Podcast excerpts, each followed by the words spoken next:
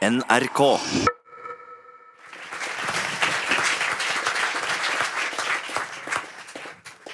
Velkommen! Velkommen hit til Vega scene, eh, hvor vi skal snakke om frihetskamp i islam. Eh, Jeg heter Tone Foss Aspevold, eh, rådgiver i Agenda rådgivning, og skal lede oss gjennom den neste timen her. Vi skal først få snakke med Sylo Taraku, som er rådgiver i Tankesmien Agenda, og forfatter av boka 'Frihetskampen i islam'. Eh, Og etterpå så skal vi møte islamforsker Lars Gule og samfunnsdebattant Layal Jeanette Ayub. Men først, hvorfor har du skrevet denne boka? Jo, jeg ønsket å opplyse om de viktige verdikampene innad i islam. Eh, Jeg syns at eh, progressive krefter eh, får ikke den oppmerksomheten og den støtten de fortjener, fordi vi har all fokus på eh, ekstremister og fundamentalister. Eh, Og jeg tenkte at eh, eh, man må også skrive bøker om de andre, og ikke bare ekstremister. Forrige uke hadde vi f.eks. Eh, lansering av boken eh, 'Terror i Europas hjerte'. Eh, og jeg sa på spøk til hun forfatteren, eh, Vibeke Raslin, at hun har skrevet en bok om de slemme muslimene, mens min bok handler om de snille muslimene. Så da er det sånn snill aften her oppe i kveld. Ja, Jeg håper det blir også noen reelle diskusjoner som jeg også gleder meg til. ja det er spennende. Du har valgt deg ut et bilde, dere som ikke har sett det. Eh, Kan ikke du beskrive bildet på coveret, og så forteller du oss hvorfor du har valgt det? Ja, så dette er et bilde fra Tahrir-plassen i Kairo.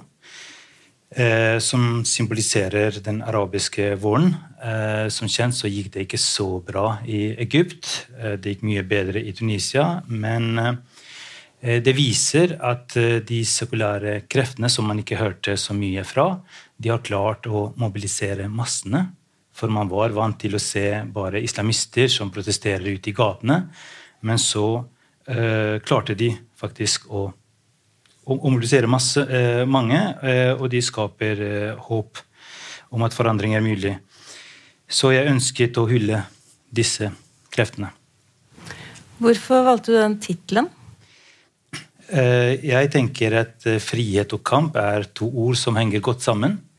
For friheten kommer ikke av seg selv. Det er ofte folk som står eh, fremst i barrikadene for å kjempe for frihet. Eh, Og i denne boken så beskriver jeg noen av de viktigste frihetskampene som foregår i den muslimske eh, kulturkretsen.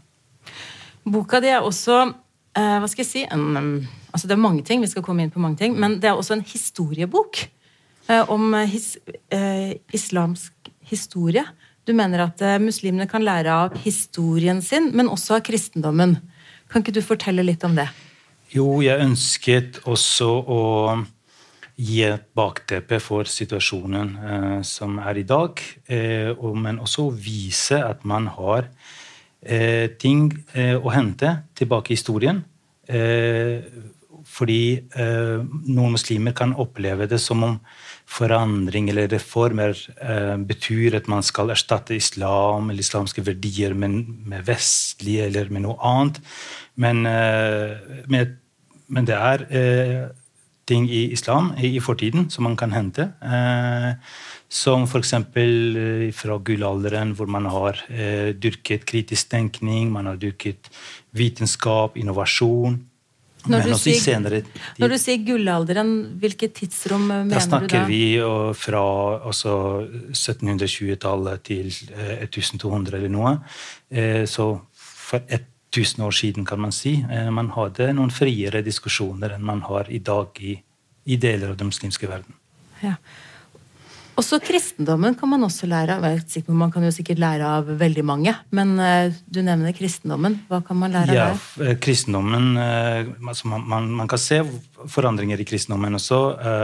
Og det at man har tatt eksempel fjernet en del negative sider ved religionen, som antisemittisme, som eh, rekruttering av religionskrig, f.eks., for eksempel, og det doble kjærlighetsbudskapet i, i kristendommen, mener jeg er også veldig viktig. da, At man har kjærlighet til Gud, men også til mennesket. Altså Elsk ditt neste.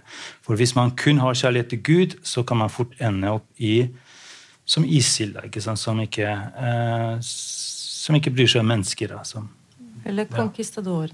Sør-Amerika. Ja. Eh, men eh, når vi snakker om historie, så, så, er dette også et stykke norsk historie. Fordi jeg beskriver kampene til de pionerene eh, som har eh, stått i barrikadene her i norsk kontekst. Jeg snakket med en homofil muslim og jeg spurte han om eh, han eh, har vet hvem Sara Asme Rasmussen er. Han hadde aldri hørt om henne, og da tenkte jeg ja, noen må jo skrive om de eh, første som har stått frem som homofile, de første som har stått frem som ateister osv. Ja. Det kan jo hende at det er noen her i salen som ikke vet hvem Sara Asme Rasmussen er. Hvem er det? Ja, hun, eh, hun er en flyktning fra Syria, som jeg tror hun bor nå i Sverige, men som var veldig aktiv i norsk debatt for en del år eh, siden. Og hun eh, sultestreiket foran eh, Islamsk Råd Norge eh, mm. med krav om at homofile blir anerkjent.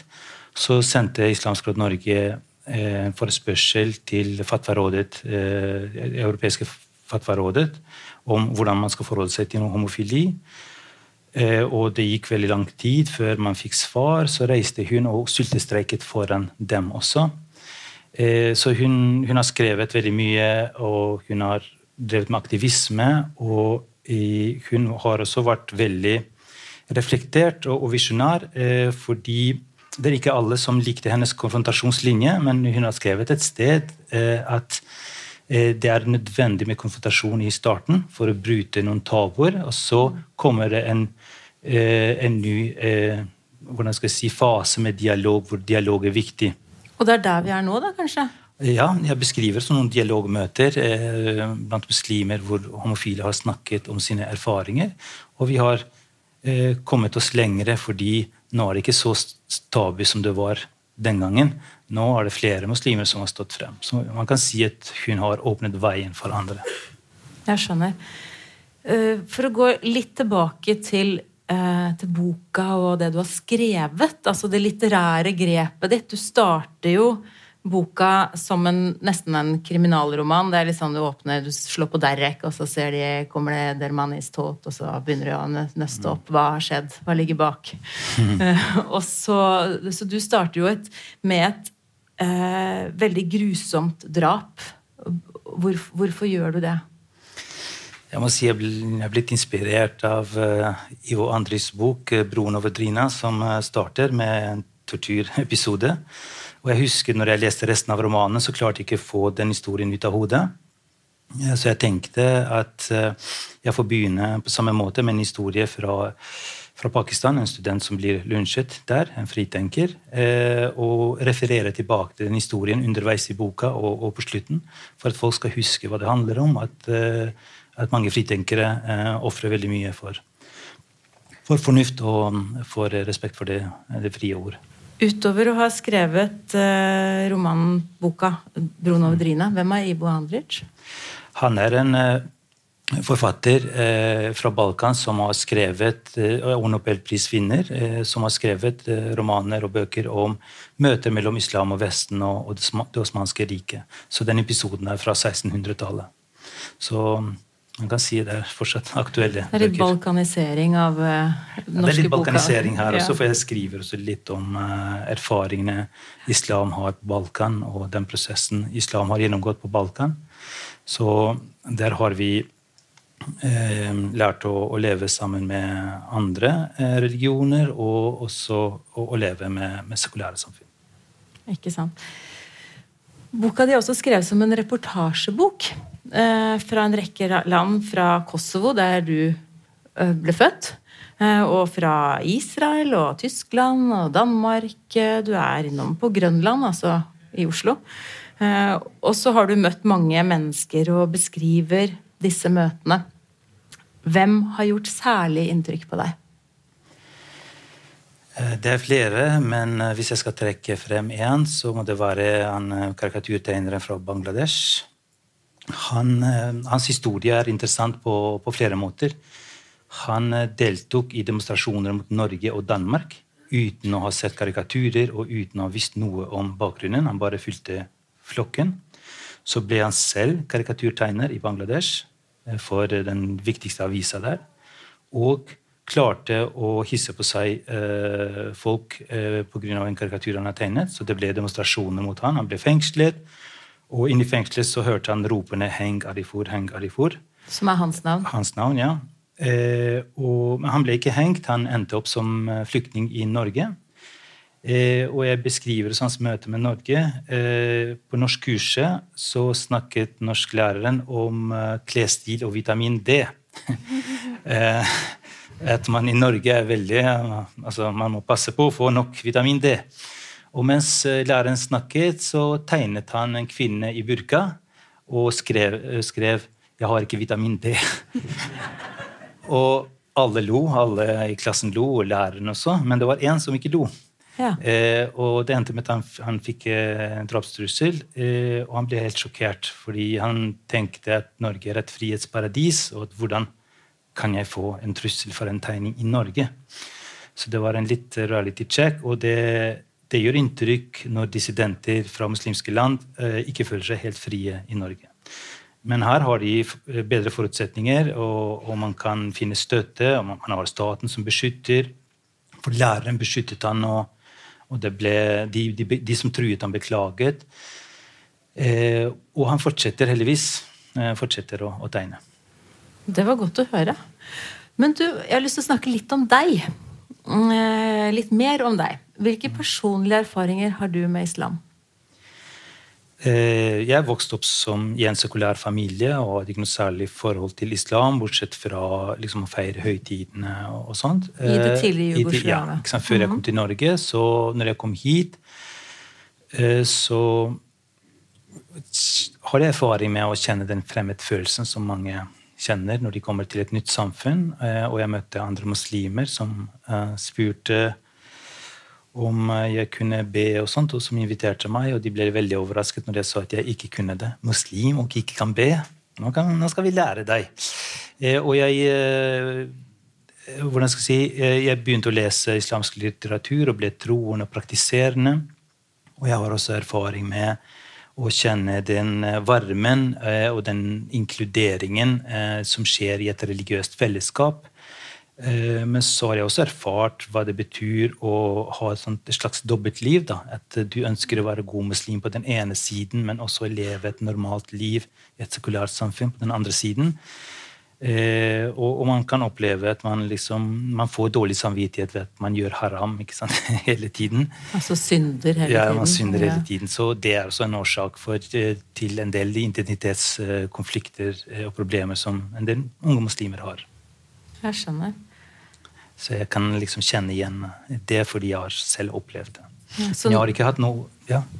Nei, fortsett. Jeg har ikke hatt noe hvordan skal jeg si, behov for um, et oppgjør med islam. Eller jeg har ikke hatt noen uh, dårlige erfaringer med islam, verken fra barndommen eller her. Men uh, jeg ble introdusert for en, en annen nesten religion den tida, menneskerettigheter. og Jeg ble veldig engasjert i menneskerettighetsspørsmål, og spesielt for menneskerettighetsforkjempere. Så jeg jobbet i Helsingforskomiteen og NOAS. Og etter hvert så ble jeg kjent med, med andre sekulære muslimer som fortalte om sin historie, sine kamper, og at de også må fortsette sine kamper her. Eh, og det engasjementet jeg har for dem, er en slags fortsettelse av det engasjementet jeg har hatt for menneskerettighetsforkjempere. Jeg skjønner. Et siste spørsmål til deg før vi inviterer med de andre her. Eh, er boka, ditt, eh, boka di et bidrag i debatten om høyreekstremt hat mot muslimer i Norge i dag? Eh, jeg vil si at det er det. Eh, for noen dager siden så var det et innslag på Dagsrevyen eh, om muslimhat. Og noen muslimer ble spurt om hva, som kan gjøres, og de sa at vi trenger mer kunnskap om islam, og vi trenger også vite om de positive sidene. Sånn sett så er boka også en bidrag i den retningen. Men, men, også en bidrag forhåpentlig til bedre debatter. Eh, det må ikke være sånn at man har kun islamhatere på den ene siden og islamapologeter på den andre. Jeg ønsker å, å, skape et rom i midten hvor vi kan diskutere åpent og ærlig om utfordringer som vi må ta, ta tak i. Da skal vi invitere opp til et rom i midten. Det var en fin introduksjon, var det ikke det? Ja. Absolutt.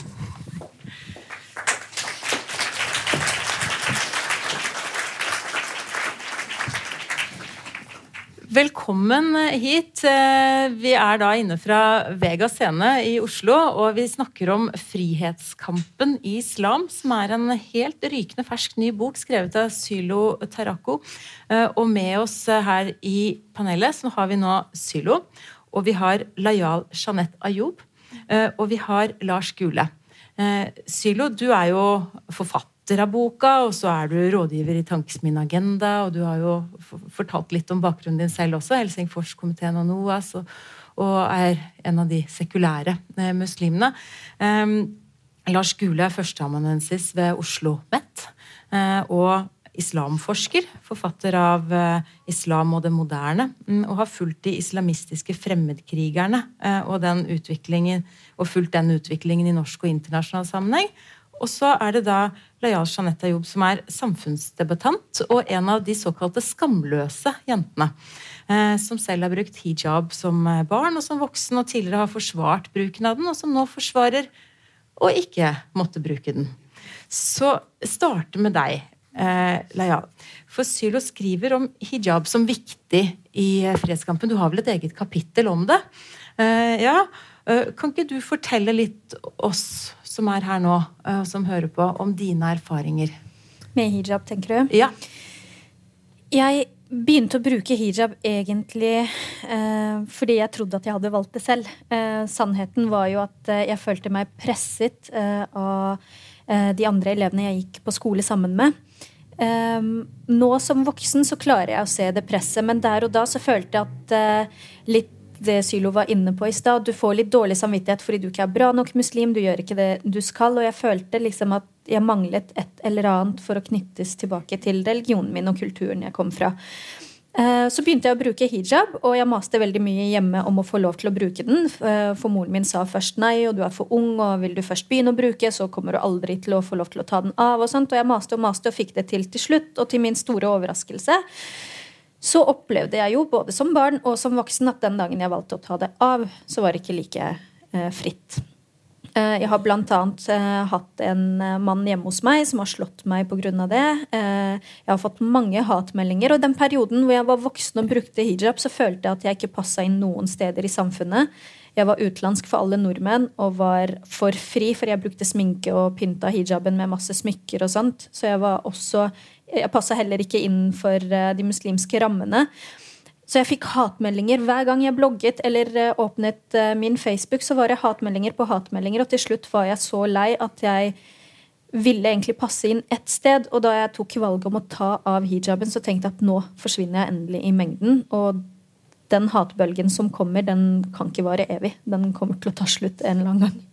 Ja. Mm.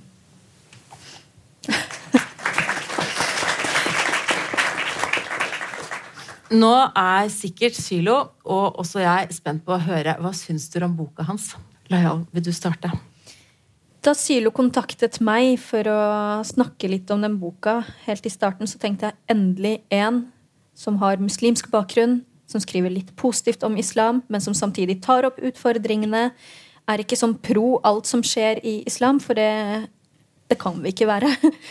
Men er heller ikke på den andre sida, hvor han bare skriver hatfullt. Eh, så personlig, Jeg har ikke lest hele boka ennå. Det var jo utsolgt overalt hvor jeg har vært og spurt. Men jeg har lest de utdragene som Sylo har sendt meg. Eh, og så har vi jo vært og snakka litt om det på TV. Og jeg må bare si at jeg gleder meg til å komme gjennom hele boka. Personlig eh, har jeg lært veldig mye om meg selv også gjennom den samtalen vi hadde. For han fikk meg til å tenke litt og reflektere litt på valgene jeg har tatt, og hvorfor jeg forsvarte hijab så mye, og hvorfor jeg endte opp med å kaste den, og, og sånne ting. Ja, jeg gleder meg til å komme gjennom den. Altså. Det gjør jeg. Hva med deg, Lars Gulle? Hva syns du om boka? Den er eh, engasjerende. Den er veldig nyansert. Og det er nettopp noe av det vi trenger. Den er kunnskapsrik. Den presenterer en eh, religion, en eh, kultur og en sivilisasjon på en måte som gjør at vi i hvert fall får begynnelsen til forståelsen av en utrolig mangfoldig kultur og eh, sivilisasjon. Ikke bare en streng eh, religion. Som fagmann, om det må få være lov å si det, så er det noen få, få skjønnhetspletter. Men bortsett fra det så er det en utrolig interessant og engasjerende introduksjon til en kultur og en sivilisasjon som vi trenger å vite mer om. Mm. Det var vel hyggelige ord å få med seg, var det ikke det? Absolutt. absolutt. Det setter jeg stor pris på. Spesielt når det kommer fra personer som leial. Det handler veldig mye om eh, mennesker som henne, og av en så kompetent person som Lars Gule, som jeg også takker for ordet, for vi har hatt mange gode samtaler i forkant av boka. Mm. Jeg lurer på en ting, eh, Lars. Er du enig med Sylo at de konservative dominerer islam? Og hvorfor er det blitt sånn? Litt ledende spørsmål, men det får vel gå. I, uh, I, dag så må vi jo si det, og ikke bare de konservative, uh, tradisjonelt konservative, men de fundamentalistiske og islamistiske uh, har et ideologisk, teologisk hegemoni. Det betyr ikke at de representerer et flertall av verdens 1,5 milliarder, men det er de som setter dagsorden, det er de som klarer å liksom etablere sannheten om hvordan ting skal forstås. Og det er det har alltid vært slike fundamentalistiske og islamistiske tendenser og trender innenfor denne nettopp veldig store og breie kulturen og sivilisasjonen. Men mens det i eh, mellomkrigstid eh, var si, mer sekulært orienterte nasjonalister eh, som dominerte, og som slåss for uavhengighet av Vesten, bort med kolonier og mandater. Så får vi en videreføring av denne nasjonalismen med radikal politikk av sosialistisk type eh, i etterkrigstida. Og de dominerer stort gjennom de såkalte arabiske revolusjonene og ikke minst eh, Nasers eh, veldig sterke rolle i den muslimske verden, og først og fremst den arabiske, men også i den videre muslimske verden. Og så taper araberstatene krigen mot Israel i 1967. Og det blir et slags turning point. Nå har nasjonalistene og sosialistene prøvd, og de har mislykkes. De har ikke klart å frigjøre oss, de har ikke bidratt til utvikling, økonomisk vekst og velstand.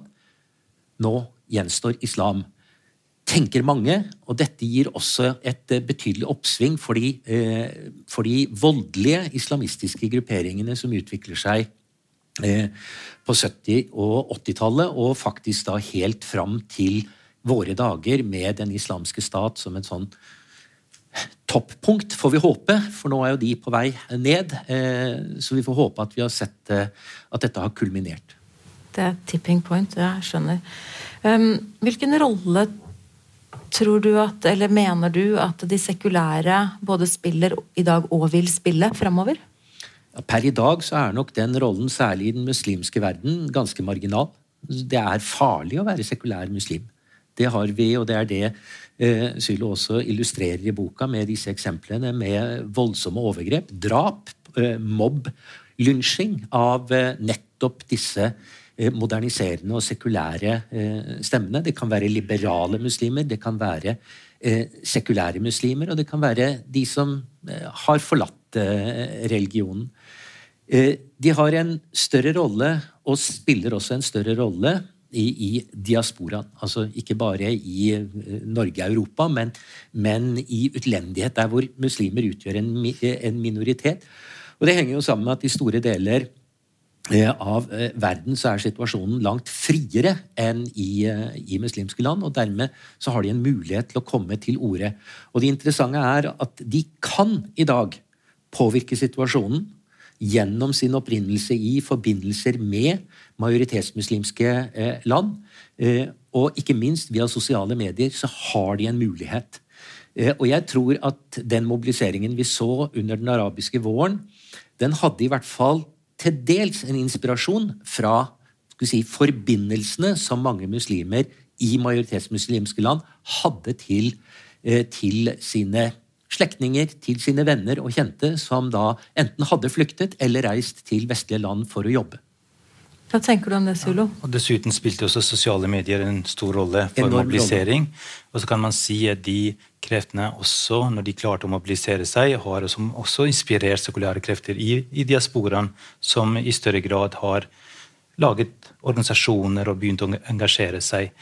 Eh, så, så mitt, mitt, håp da er at påvirkningen går den andre veien, også fra, eh, fra vestlige land, fra diasporamiljøer som, som her står friere til å diskutere religion og, og, og, og fremme ytringsfrihet og eh, bekjempe totalitære eh, ideologier enn at påvirkningen går fra Midtøsten og muslimske land til diasporamiljøer. For det, det skjer eh, påvirkning begge, begge, veier. Vi ser hvordan utvikling i Midtøsten har reflekteres også diasporamiljøer. Med radikalisering, eh, med at mange reiser til den islamske staten, men, men ellers radikalisering mer generell eh, forstand.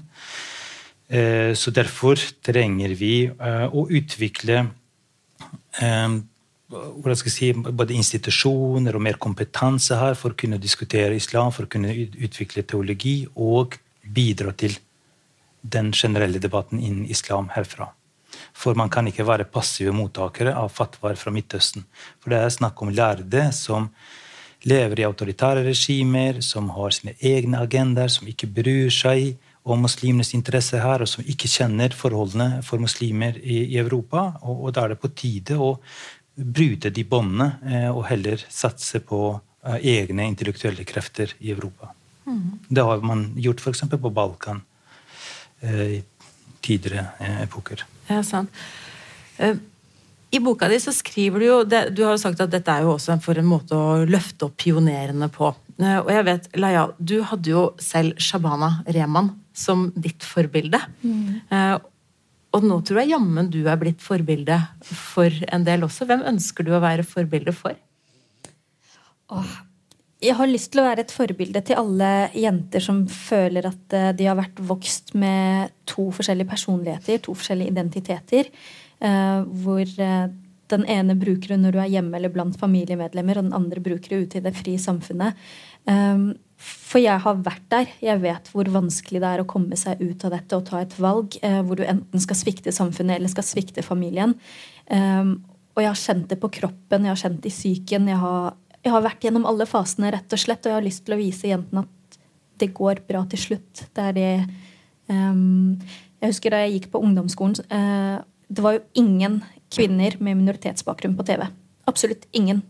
Og så kom Shabana Rehman da hun løftet mulla. Da gikk jeg på ungdomsskolen. Og jeg tenkte her. Det fins håp. En av oss har klart det. Da kan flere lyst, gjøre det. Har du lyst til å løfte litt på Sylo nå? Du skal slippe. Du skal slippe. Ja. jeg har ikke skjegg. Han har ikke sånn skjegg. Nei, det er det greit. Hun ga oss i hvert fall et håp om at det går an, og det har jeg også lyst til å gi videre. At det går an å komme seg ut og leve det livet du har lyst til å leve selv. Mm. Hva tenker dere at skal til for å få en progressiv utvikling av islam, da? Er det, er det mulig? Hva, hva, skal til? Sylo, du kan få starte. Det, det, det, jobbes innenfor, både innenfor religionen og, og utenfor. Det finnes progressive eh, folk innenfor eh, islam, eh, innenfor teologien, som prøver å tolke islam eh, på en ny måte. Altså å gjøre det mer forenlig med demokrati og menneskerettigheter. Eh, og ikke minst med likestilling. Det finnes muslimske eh, feminister og ikke bare Seiran Atesh, men også de som jobber innenfor teologien. Så det er noen, noen tendenser. De er fortsatt veldig marginale, men, men det skjer noe. Eh, og så er det sekulære miljøer også som presser frem endringer. Eh, og så kan man si at eh, ja, det er, ikke, det er, ikke, i teologien kanskje skoen trykker mest. Da. Det er mer eh, sosiale endringer er kanskje har større betydning. Vil si at når man har aksept for, eh, for annerledeshet, aksept for eh, kritikk. Når man aksepterer homofile, eh, ateister, tvilende osv., så, videre, så vil realitetene forandre seg. Og da må også teologien komme etter. For det er ikke sånn at at det er moskeene som skal gå foran.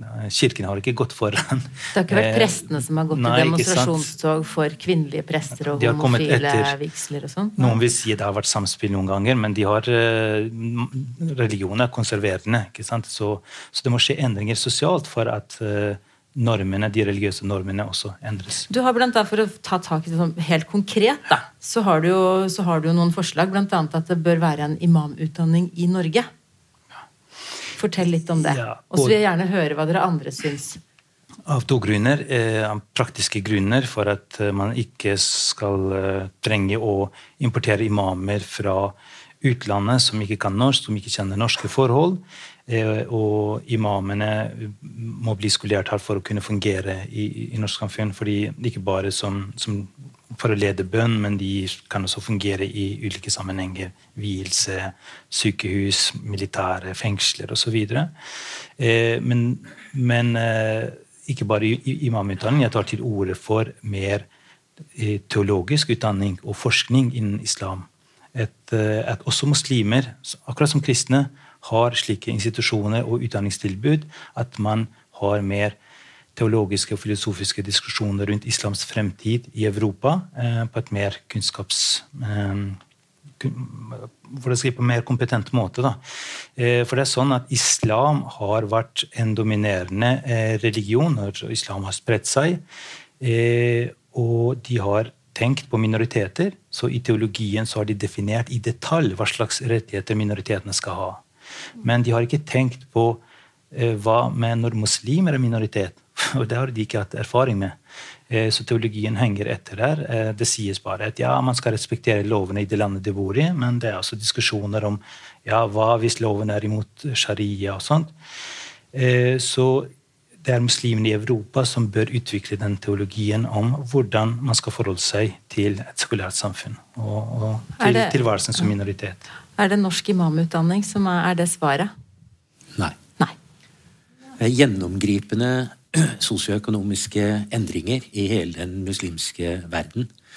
Nettopp hvis vi sammenligner med utviklingen i Europa eller i Vesten, så handler de religiøse, teologiske endringene også om de behov, de sosiale krav som stilles til eh, individer i et samfunn hvor lønnsarbeidet blir den dominerende eh, måten å arbeide på. Det medfører individualisering. Det oppløser storfamilier. Eh, eh, atomiserer eh, samfunnet. Mange prøver å stoppe dette, prøver å bremse på dette. Det har vi sett i vår del av verden. Vi har en lang rekke reaktive eh, sosiopolitiske bevegelser. Eh, og det er noe av det vi også ser i Midtøsten. På mange måter så kan vi si at islamismen og fundamentalismen er et svar på nettopp det presset som sosioøkonomiske endringer påvirker denne delen av verden med. Men samtidig så er det også veldig store historiske eh, forskjeller. I stor grad så snakker vi også om renteniststater. Altså, de har ikke behøvd å legge til rette for effektiv kapitalisme fordi de har hatt olje, en del av disse statene. Eh, Hvilke stater tenker du på? Saudi-Arabia? først og fremst eh, Golfstatene, men også, også eh, Libya. Og det er veldig interessant at en medvirkende, det, en medvirkende faktor til oppsvinget for disse islamistiske gruppene som vi så på 70- og 80-tallet, det var den vanvittige veksten i oljepris etter eh, krigen. Eh, og og Apex boikott, oljeboikott av Vesten i 1973 og 74, det førte til enorme inntekter til regimer som var villige til å bruke disse pengene til å spre, til å støtte eh, islamistiske grupper. Først og fremst i andre land, ikke i sine egne, men i andre land. Og dermed så spredte de, eh, støttet de økonomisk, eh, også med utdanning. Eh, den, den typen eh, teologisk forståelse som da har fått, eh, fått eh, hegemoniet. Når det skjer endringer her, så vil det også skje endringer i hvordan eh, de lærde, som er avhengig av inntektene fra staten, hvordan de vil tolke eh, eh, religionen, hva det er de legitimerer. Norsk imamutdanning vil være et veldig beskjedent, ikke uten betydning, men kanskje ha en viss innflytelse på utviklingen av norsk islam. Men det aller viktigste her er tid. Endring tar tid. Og vi snakker nå om endringer som på visse områder skjer fantastisk fort. Bare for å ta ett eksempel. Det er demografien. Fertiliteten blant norsk-pakistanske kvinner. Mødrene og bestemødrene, der var idealet store familier. Seks, åtte, ti barn. Det var idealet. Dette var Guds vilje. I dag er norsk-pakistansk fertilitet på snittet av norsk fertilitet. Det er ikke engang reproduserbart. Så har du forskjell, somaliske kvinner føder flere barn osv. Men det er sosiologisk sett en fantastisk rask endring. Som henger sammen med utdanning, som henger nettopp sammen med disse sosioøkonomiske endringene som har gjort at disse kvinnene bl.a. får utdanning. Mm. Sylo. Eh, ja, eh, jeg snakket om eh, muslimer i Europa som trenger å finne svar her. Og når det gjelder oljens betydning, så skriver jeg også noe om det i, i boka. Og bare for å illustrere Wahhabismen i Saudi-Arabia var en veldig veldig marginal hvordan skal jeg si, doktrin eller ideologi. Og jeg sammenligner det med Ku Klux Klan. Tenk hvis de fikk mange eh, oljemilliarder til å spre sin ideologi i verden. Da blir det skummelt. Ikke sant? Det er det som har skjedd da. De har fått Denne lille lille sekten har fått mange milliarder eh, og har spredt seg til Pakistan og helt til Balkan og helt til eh, våre altså moskeer i, i, i Vesten. Eh, og da eh, står vi overfor eh, mektige bevegelser eh, og aktører som har masse ressurser, eh, og vi må finne mottiltak. Eh, og da må vi både ha dialogprosesser her, men også utvikle imamutdanning, bare for å illustrere behovet. Det, jeg ble, fikk fortalt fra Basim Goslan i Rabita-moskeen at de hadde noen diskusjoner om hvorvidt man skulle ønske nordmenn god jul. Ehm, det var eh, lærde fra Saudi-Arabia mente man ikke burde gjøre det, mens lærde fra Det muslimske brorskapet sa at jo da, man skal være høflig og man skal ønske folk god jul. Så jeg tenkte, Hvorfor i all verden skal lærde fra Midtøsten fortelle muslimer i Norge om de skal ønske sine naboer og sine kolleger god jul? Ikke sant? Det er helt uh, meningsløst. Uh, det bør muslimene selv finne ut av. Og det samme med håndhilsing og med alle de andre problemstillinger som dukker opp her. For eksempel, så, så det å jobbe et, et, sted hvor det serveres alkohol, det å jobbe et sted hvor du omgås med andre menn, og andre, mange andre sånne praktiske spørsmål som bør Svarene er her, og ikke i Midtøsten. Nettopp. Laia, hva tenker du er, skal til for at man får en progressiv utvikling av islam? Jeg tenker akkurat den samtalen om imamutdanning, altså problemet med ekstrem islam er jo litt komplekst. Det er ikke ett svar som skal finne på løsning. Men jeg er veldig for imamutdanning i Norge. Eh, det tok jeg også opp på Stortinget eh, blant noen politikere. Det har dessverre blitt stemt ned. Men det vi vet, er at moskeene forsvinner ikke i Oslo. De kommer til å være her. Eh, og det er ikke lenge siden at vi leste om en moské som hadde henta en imam fra et litt ekstremt miljø, som skulle holde tale. Og jeg tenker det er litt disse problemene. Altså, jeg har møtt menn og kvinner eh, gjennom min tolkejobb eh, under flyktningkrisen som nekter å ta eh, arbeidsplass på f.eks. Kiwi eller Rema 1000, for der selges det alkohol. De nekter å jobbe i barnehage, for der omgås de menn. og de, Det er veldig mange sånne små problemer som ikke kommer til å bli løst av at vi henter fatwaer fra Saudi-Arabia eller Egypt. Eh, det er ikke en løsning på problemet, men det er eh, i hvert fall et steg i riktig retning på å vite hvordan muslimer i Norge bør ha det og om vi ikke løser problemet, så har vi i hvert fall innsyn i hva det er som undervises til disse imamene. For hva de kommer med fra utlandet, det har vi ingen anelse om. Her vil vi ha litt mer peiling, tenker jeg. Du er i mindretall her, eh, Lars, når du ikke vil ha imamer, eh, imamutdanning i Norge det, det, sa ikke at jeg ikke vil ha det, jeg Nei. sa at det er ikke løsningen. Ja, nettopp, det er en viktig Vi sier ikke det er løsningen, men det er bare ett av ikke mange sant? andre ting. Og, men spørsmålet som jeg fikk, var om dette er en del av løsningen. Og det er bare en bitte liten del av eh, løsningen. Og det interessante er at vi ser et generasjonsskifte på gang i moskeene. Eh, og stadig flere for yngre styremedlemmer som ønsker at moskeene skal være relevante for deres barn og ungdommer. Og da skjønner de at det å hente en imam fra liksom familiens gamle, tradisjonelle imamslekt på landsbygda i Pakistan, det holder ikke lenger. Og Derfor så er det allerede et skifte på gang, hvor man faktisk heller sender de som er interessert, til imamutdanning i England. Hvor de har mer av dette, og så kommer de tilbake. Og da, så, så, prosessen har på en måte allerede begynt, men igjen, det tar tid. Får vi dette til i Norge, så gjerne for meg. Dog ikke på universitetet. Jeg vil ha presteutdanning og hele greia ut fra universitetet. Dette har ikke noe på et moderne, sekulært universitet å gjøre. Jeg er faktisk religionskritiker. Men, Men man må gjerne stå for dette på egen hånd. Eh, og så får man eventuelt lage prosjekter, og hvis eh, da en eventuell regjering som er vennligstilt overfor dette, finner at dette vil de bevilge penger til, så igjen, gjerne for meg. Var det en klargjøring, eller var det Er du, er du veldig uenig? Nei, altså Vi fokuserer veldig mye på imamer eh, som imamer, men jeg tenker mer på på, på, forskning og på intellektuell virksomhet. At, eh, at, man har eh, bedre diskusjoner, og gjerne at man gjør noe på skandinavisk nivå, og ikke bare norsk. Fordi det intellektuelle miljøet er ikke så stort, så man kan samle og lage et miljø et sted. Gjerne i Oslo. og og det er viktig å ha forankring i, i miljøene her. At man setter ned f.eks. en kommisjon, hvor de eh, finner ut sammen om hva slags utdanningstilbud som, som, som trengs. Eh, og islamforskning eh, tenker jeg er også viktig. At man eh, har en prosess som man har hatt i, i kristendommen, med å eh, se på historien. Med, bruke vitenskapelige metoder når man ser på islams historie.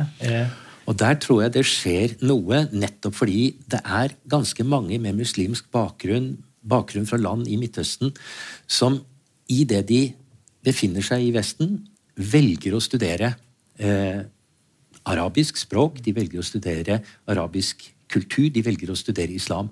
Og Det henger sammen med behov for å kjenne røtter.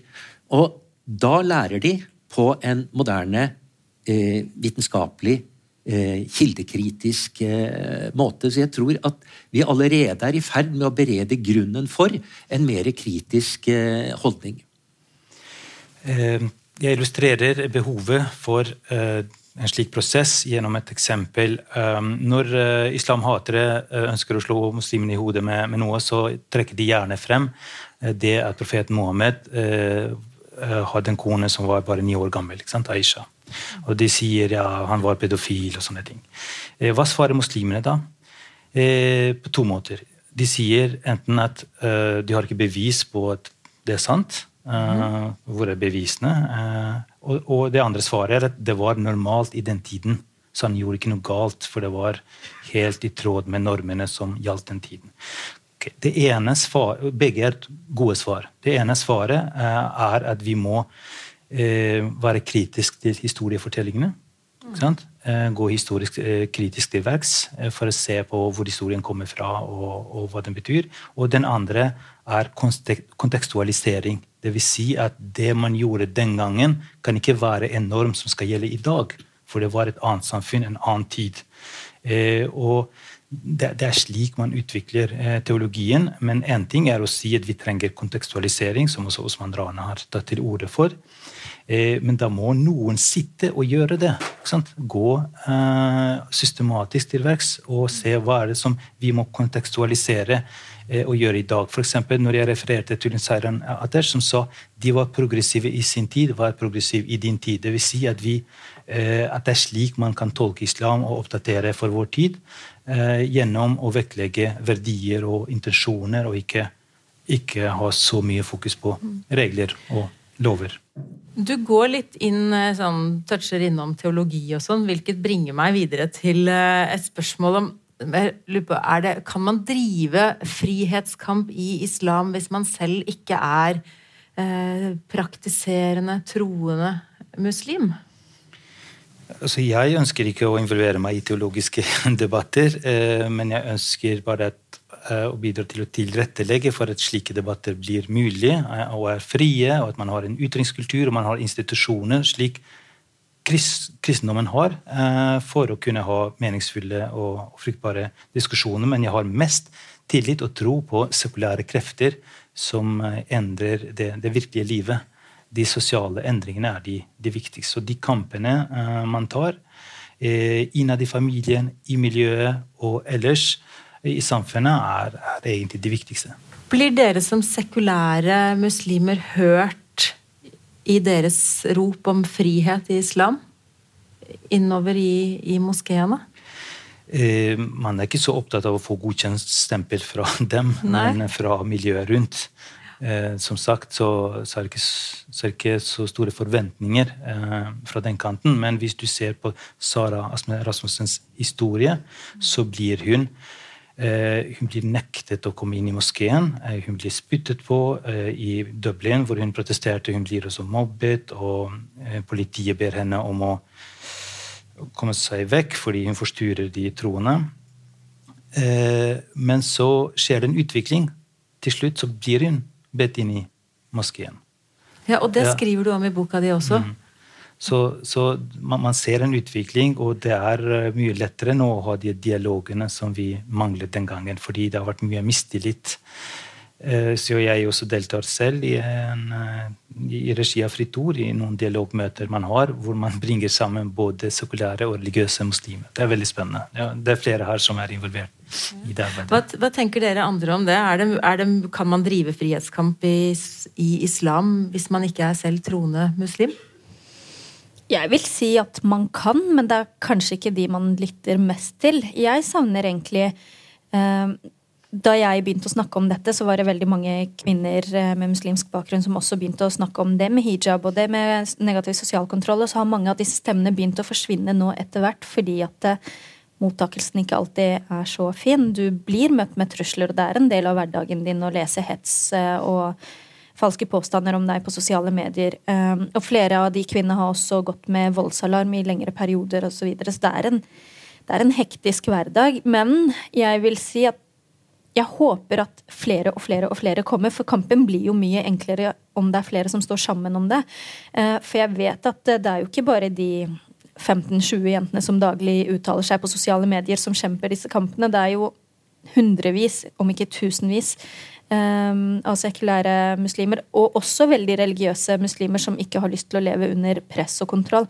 Eh, så jeg vil gjerne invitere flere på banen, sånn at moskeene og sånn kan begynne å lytte. Du blir hørt, men det er ikke alltid det er en positiv låt, for å si det sånn. sånn. Eh, Lars, du som islamforsker, hva tenker du om det?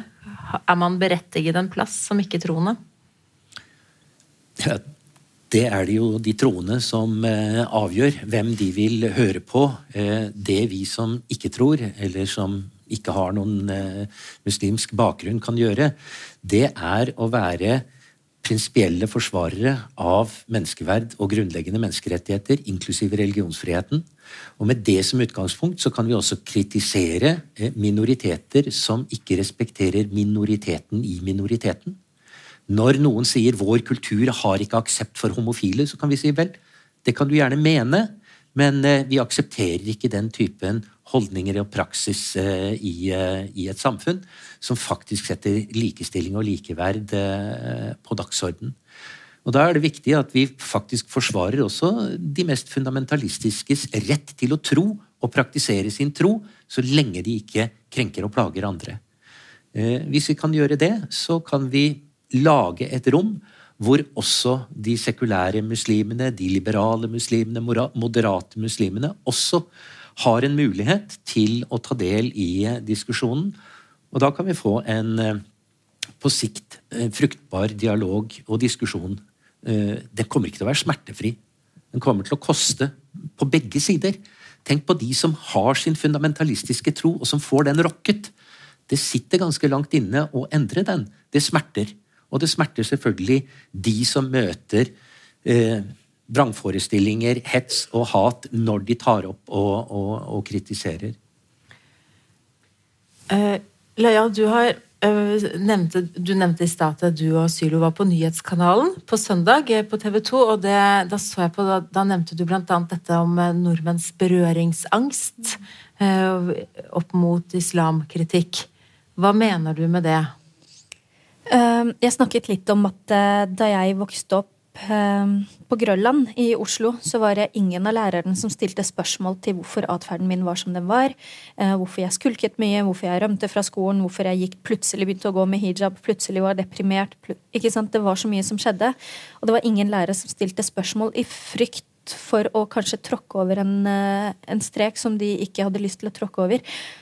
Og av erfaring så vet jeg at bl.a. mine foreldre og mange andre foreldre var sånn at hvis noen sier er noe, så er det kanskje rasister. ikke sant? Og det første vi spurte læreren om, er du rasist, eller hvis de sa Oi, noe ikke, ja. vi ikke likte.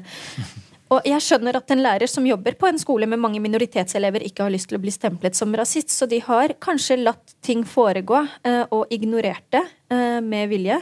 Um, ikke alle, selvfølgelig, jeg vil ikke greie alle under samme kam, men det har skjedd.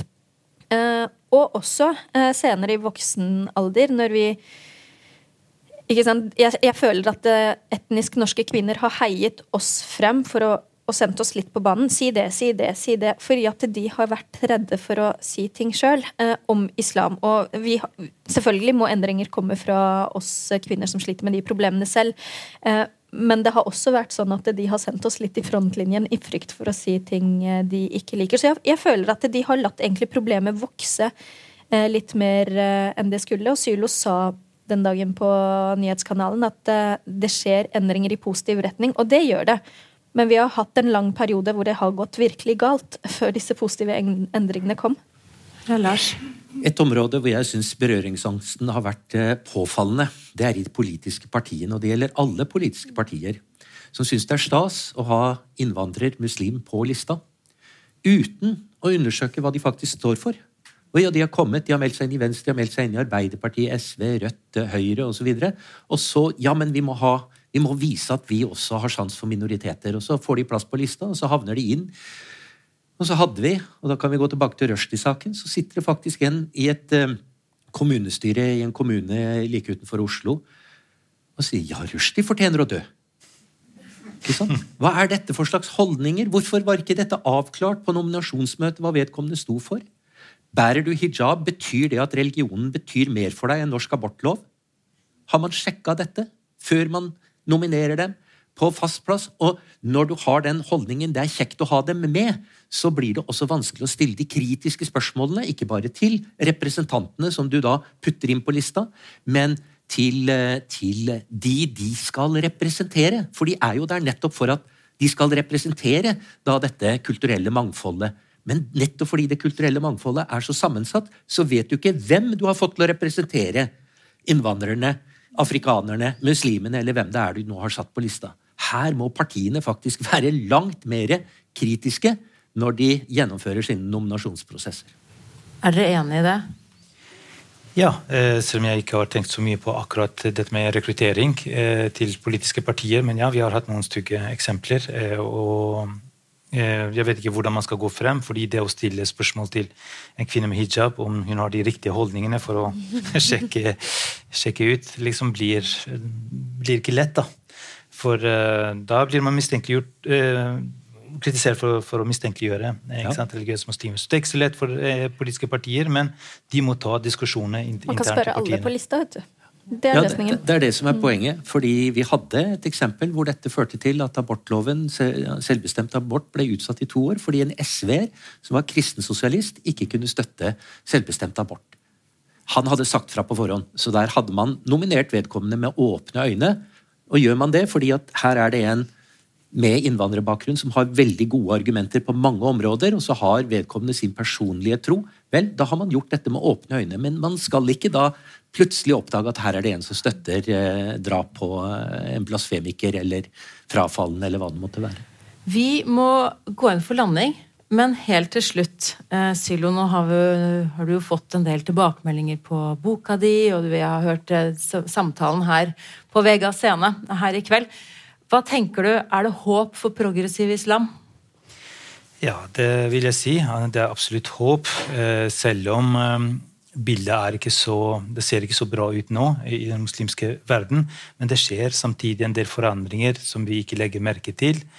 F.eks. det at kvinner tar utdannelse, tar høyere utdannelse, eh, og gjør det i mye større grad enn menn. Eh, og når de gjør det, så betyr det at de er mye mer selvstendige og er mer i stand til å forsørge seg selv og finner seg ikke i å bli diskriminert. Og da eh, blir det mer naturlig for dem å ta de eh, frihetskampene internt. Det satses mer på kvinner også i flere arabiske land.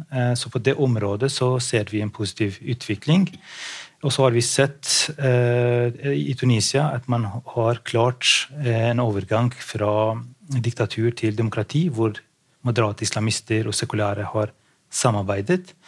Eh, så når en del sosiale og politiske forhold er til stede, så er det mulig å forene islam med demokrati og islam med sekularisme, sånn som på Balkan. Det skjer positive ting også i, i diasporamiljøene. Vi ser at uh, andre generasjon uh, har mer tolerante holdninger enn en sine foreldre. Det går kanskje tregere enn det man skulle håpe, men det, er derfor vi trenger progressive krefter for å presse frem endringer i høyere tempo. Tusen takk til deg, og takk til dere som var med i samtalen.